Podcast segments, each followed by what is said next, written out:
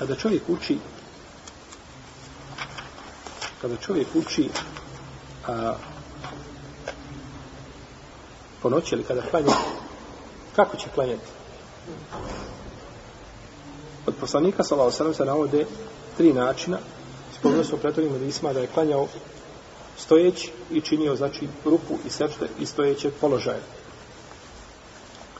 došao je drugi način da je klanjao sjedeći da je činio znači ruku i sežde sljedećeg položaja. Kako kaže Ajša radijallahu ta'ala anha, nije poslanik sa osadem preselio na ahiret prije nego što je većinski dio njegovog namaza, noćnog namaza bio iz sljedećeg položaja.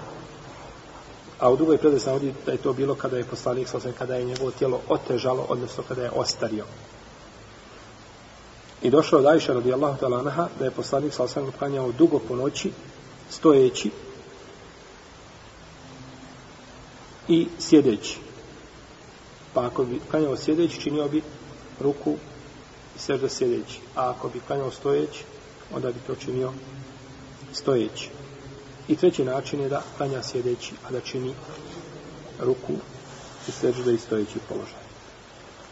Pa je došlo Aisha radijallahu ta'ala, vidimo ove predaje, znači koje Aisha prenosi, to je bilo u njenoj kući najviše.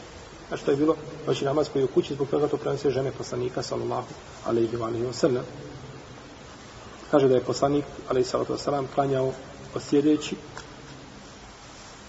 i učio bi osjedeći, jeli? Pa kada bi ostalo 30 ili 40 ajeta do kraja učenja, onda bi ustao i završio to, to učenje a, stojeći nakon toga bi ponovo šta učinio ruku stojećeg položaja, pa bi onda učinio seždu. Pa to znači tri načina. Da klanja stojeći, da se čini stojećeg položaja, da klanja sjedeći, da se čini i sjedećeg položaja i da klanja sjedeći, a da ruku i sežda čini i stojećeg položaja. To su tri načina koja su došla uh, rekom salam, koja su došla u sunetu poslanika, salallahu, alaihi wa alaihi wa sallam.